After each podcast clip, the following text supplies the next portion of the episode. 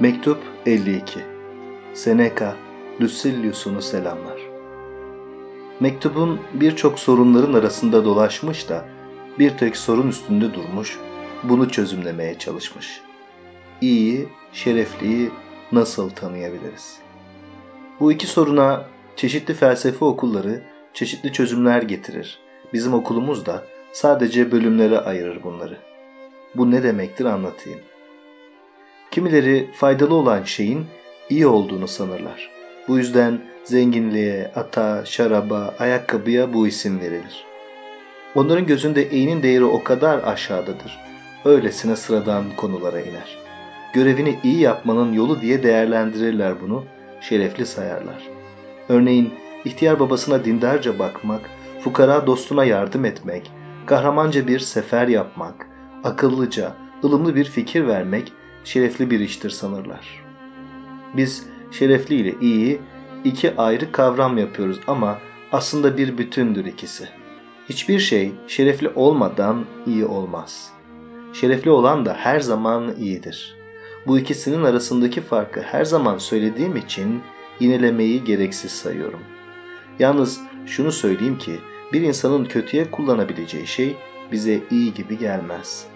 Ne kadar çok insanın zenginliğini, soyluluğunu, fizik gücünü de nasıl kötüye kullandığını görüyorsun. Şimdi ben konuşmamı istediğin konuya döndürüyorum yine sözü. İlk iyi, şerefli kavramı bizde nasıl uyanmıştır? Bunu bize doğa öğretemezdi. Doğa bize yalnız bilginin tohumlarını vermiştir. Bilginin kendisini değil. Kimileri der ki ilk kavrama bir rastlantıyla varmışızdır. İnsanın erdem kavramına rastlantıyla varmış olması inanılamayacak bir düşünce. Bize göre bir gözlem birikimi, olayların birbirleriyle karşılaştırılması yoluyla oluşmuştur bu kavram. Beden sağlığı nedir biliyoruz.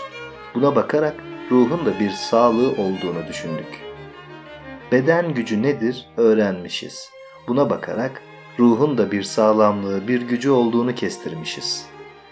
İyiliksever, insancıl, cesur her davranış bizi hep şaşırtmıştır. Biz bunlara sanki yetkin şeylermiş gözüyle bakıp hayran olmaya başladık.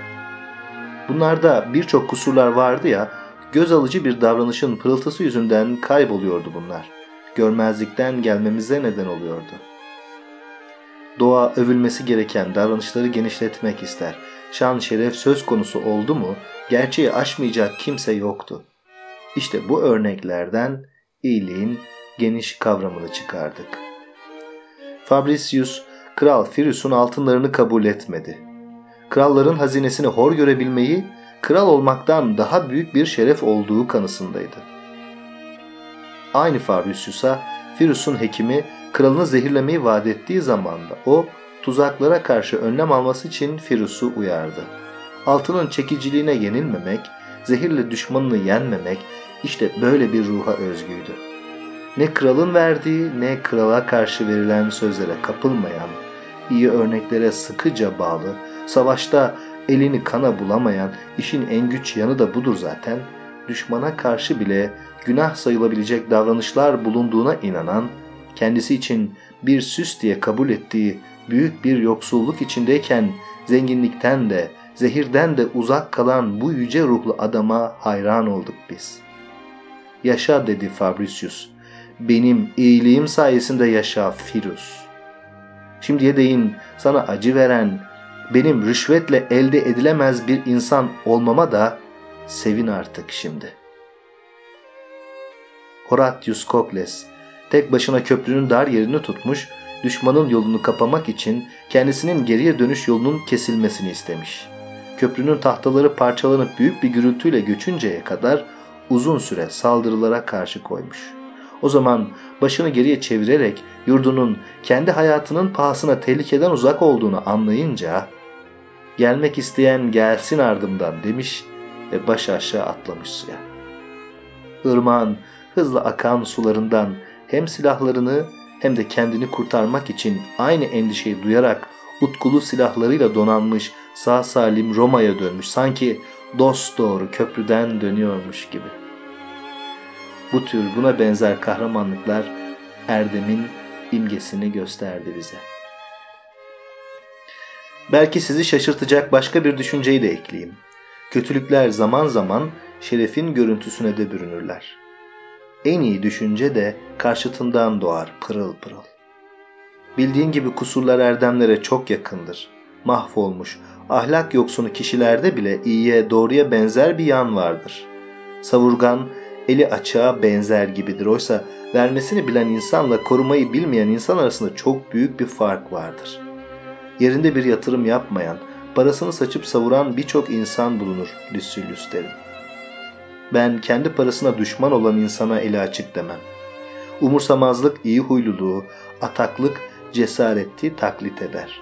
Bu benzerlik bizi dikkatli olmaya, görünüşte yakın, aslında birbirinden çok ayrılan şeyleri birbirinden ayırt etmeye zorlar. Oysa üstün başarılarıyla sivrilmiş insanları gözlemişizdir hep. Kiminin dolu gönülle, büyük bir atılımla ama bir kez yaptığı davranışlara mim koymaya başladık. Kiminin savaşta cesur, forumda çekingen, fukaralığa katlanmada yürekli, gözden düştüğü zaman başı eğik görmüşüzdür. Olayı övmüşüzdür de adamı hor görmüşüzdür. Bir başkasını dostlara karşı iyilik sever, düşmanlarına karşı ılımlı görmüşüzdür. Devlet işlerini, özel işlerini andına, dinine sadık olarak yönetmektedir. Hoş görülmesi gereken işlerde sabrının, yapılması gereken işlerde ileri görüşünün eksik olmadığını anlamışızdır. Açık elli olunması gereken işlerde dolu makım verdiğini, çalışması gereken işlerde inatla ayak dirediğini, beden yorgunluğunu ruhunun gücüyle giderdiğini görmüşüzdür. Ayrıca her zaman aynı kalmıştır. Her davranışında kendi kendine eş olmuştur. Yalnız iyi niyetli değil, alışkanlıklarıyla öyle bir aşamaya gelmiştir ki, iyi doğru bir iş yapamamak değil, iyi doğrudan başka hiçbir iş yapamayacak duruma ulaşmıştır. İşte o zaman bu kişide yetkin bir erdemin olduğunu anladık. Bu erdemi dört bölüme ayırıyoruz. Arzuları gemlemek, korkuları bastırmak, yapılması gerekenleri önceden kestirmek, verilmesi gerekenleri dağıtmak gerekiyordu. Ilımlılık, cesaret, ileri görüş, adalet kavramları belirdi zihnimizde. Her erdeme kendi görevini verdik. Ya erdemi nesinden anladık? Erdemi bize belirleyen şunlardı. Yarattığı düzen, yaraşanı yapması, kararlılığı, her davranışının birbiriyle uyumlu olması, her şeyi aşan büyüklüğü. İşte buradan anlaşıldı suyun yönünde tatlı tatlı giden, yalnız kendi kararına uyan o mutlu yaşam kavramı.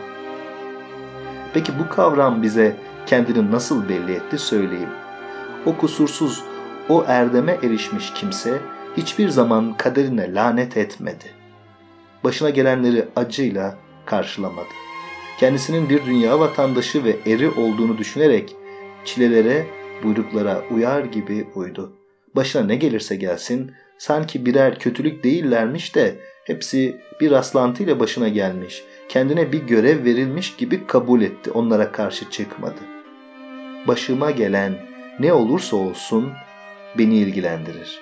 Sert olsun, katı olsun, bütün gücümüzle karşı koyalım bunlara felaketler altında ezilmişken hiç inlemeyen, hiçbir zaman kaderinden yakınmayan kişi zorunlu olarak büyük görünmüştür.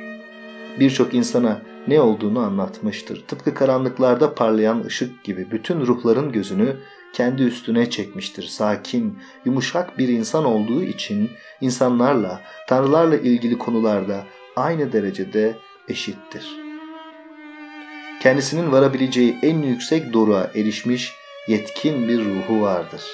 Bu yüceliğin ötesinde Tanrı düşüncesinden başka bir şey yoktu. Bunun bir parçası da bu ölümlü yüreğe inmişti. Bu yürek hiçbir zaman kendinin ölümlü olduğunu düşündüğü zamandan daha tanrısal değildi. O biliyordu ki insan hayata bir gün ayrılmak için doğmuştur. Bu beden bir ev değil, bir konuk yeridir. Konukluk ağır geldiği zaman da bırakıp gitmek gerekecektir. Yüce bir yerden inmiş bir ruhun en büyük belirtisi Lucilius'un içinde dolandığı yeri aşağılık, daracık sayması, buradan çıkıp gitmekten korkmamasıdır. Çünkü nereden geldiğini anımsayan kişi nereye gideceğini bilir. Bizi ne kadar çok şey rahatsız etmektedir. Bu beden bize ne kadar aykırıdır görmüyor muyuz? Bir bakarsın başımızdan, bir bakarsın midemizden, bir bakarsın göğsümüzden yakınır dururuz. Kimi zaman sinirlerimiz, kimi zaman ayaklarımız rahatsız eder bizi. Bir bakarsın bir akıntıdır, bir bakarsın bir nezledir bizi yakındıran. Gün olur kanımız çoktur, gün olur az. Şuradan buradan hırpalarlar bizi kapı dışarı ederler. Kirada oturanların başına gelir bu. Ama bizim bedenimizi kader bunca cılız yaptığı halde sonsuzluğa dönük planlar kurmaktan geri kalmayız. İnsanın yaşayabileceği ömür ne kadar uzun olursa olsun hiçbir zenginlik, mevki gözlerimizi doyurmadığından umutlarımızla doldururuz yaşamımızı. Böyle bir umuttan daha utanç verici, daha budalaca bir şey var mıdır? Alnında ölüm yazgısı olanlara yok, her gün biraz daha ölmekte olanlara hiçbir şey yetmiyor. Çünkü her gün biraz daha yakın oluyoruz son güne. Her saat bir gün içine düşeceğimiz yere doğru itiyor bizi. Zihnimizin nice kör olduğuna bak sen. Gelecek dediğimiz şey şu anda olup bitmektedir. Geleceğin büyük bir parçası geçip gitmiştir artık. Çünkü yaşadığımız zaman yaşamadan önce olduğumuz yere ulaşmıştır. O halde her geçen gün bizi yavaş yavaş ölüme götürdüğüne göre o son günden korkmakla hata ediyoruz. Bizi göçüren o son adım bizi bitkinleştiren adım değildir ki. Bize göçtüğümüzü açıklar sadece. Son gün ölüme varır. Her gün de gitgide daha yaklaşmaktaydı zaten. O son gün bizi koparır, parça parça etmez. Bu yüzden daha yüksek bir yaratılışı olduğunun bilincinde olan büyük bir ruh, konduğu bu durakta şerefli, cesaretli davranışlarda bulunmak için çabalar. Zaten yöresinde bulunan hiçbir şeyi kendinin saymaz da acelesi olan bir garip gibi emanet eşyalar olarak kullanır onları. Böyle kararlı bir insan görseydik, hiç alışılmadık bir yaratılış fikri neden yerleşmesindi içimize? Özellikle dediğim gibi bu kararlı davranış yüceliğin gerçek olduğunu gösterdiyse. Gerçek tutunur. Sahte olanlar kalıcı değildir. Karma karışık bir zihni ele veren en büyük belirti onun çırpınışı, erdemleri öykünmekle kusurlara düşkünlük arasında bocalamasıdır. Tigelius'un çok kez 200 kölesi vardı, çok kez de 10 kölesi. Bir bakarsın kralları, tetrarkları düşüremezdi dilinden, hep yüksekten atardı. Bir de bakarsın üç ayaklı bir masam, saf tuz dolu bir tuzluğum, kaba saba da olsa beni soğuktan koruyacak bir togam olsun yeter bana derdi. Bir milyon sestertius versem bu tutumlu azla yetinen adama beş gün sonra tam takır olurdu kasası. Horatius'un betimlediği bu kişi gibi insan senin bulunduğun yerde pek çoktur. Hiçbir zaman aynı kalmayan, kendine bile benzemeyen, öylesine bir karşıttan ötekine koşan bir tip. Pek çoktur mu dedim? Yok, hemen hemen herkes böyledir. Her gün herkes kararını değiştirir durur bir başka dilek diler. Kimi zaman evlenmek ister, kimi zaman sevgilisi olsun ister, kimi zaman hükmetmek ister, kimi zaman da uşaklar iş görmesin ister. Kimi zaman nefret uyandıracak kadar azıtır işi, kimi de yatışır, aşağı düzeydeki insanların yaptığı gibi büzülür kalır. Kimi para saçar, kimi talan eder. Ruhsal dengeden yoksun bir ruhun en önemli belirtisi şudur. Ya şu kişinin kimliğine girer ya da ötekinin. Bence en utanç verici olanı da kendi kendisiyle bir bütün olamamasıdır. Bir tek kişinin rolüne girmeyi büyük bir şey say. Bilgeden başka hiç kimse bir tek kişinin rolünde değildir.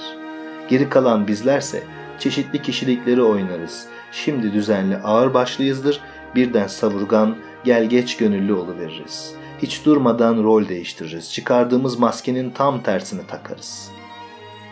O halde kendi kendinden Yalnız şunu iste. Nasıl görünmeye karar verdiysen öyle kal sonuna kadar. Sağlıkla kal.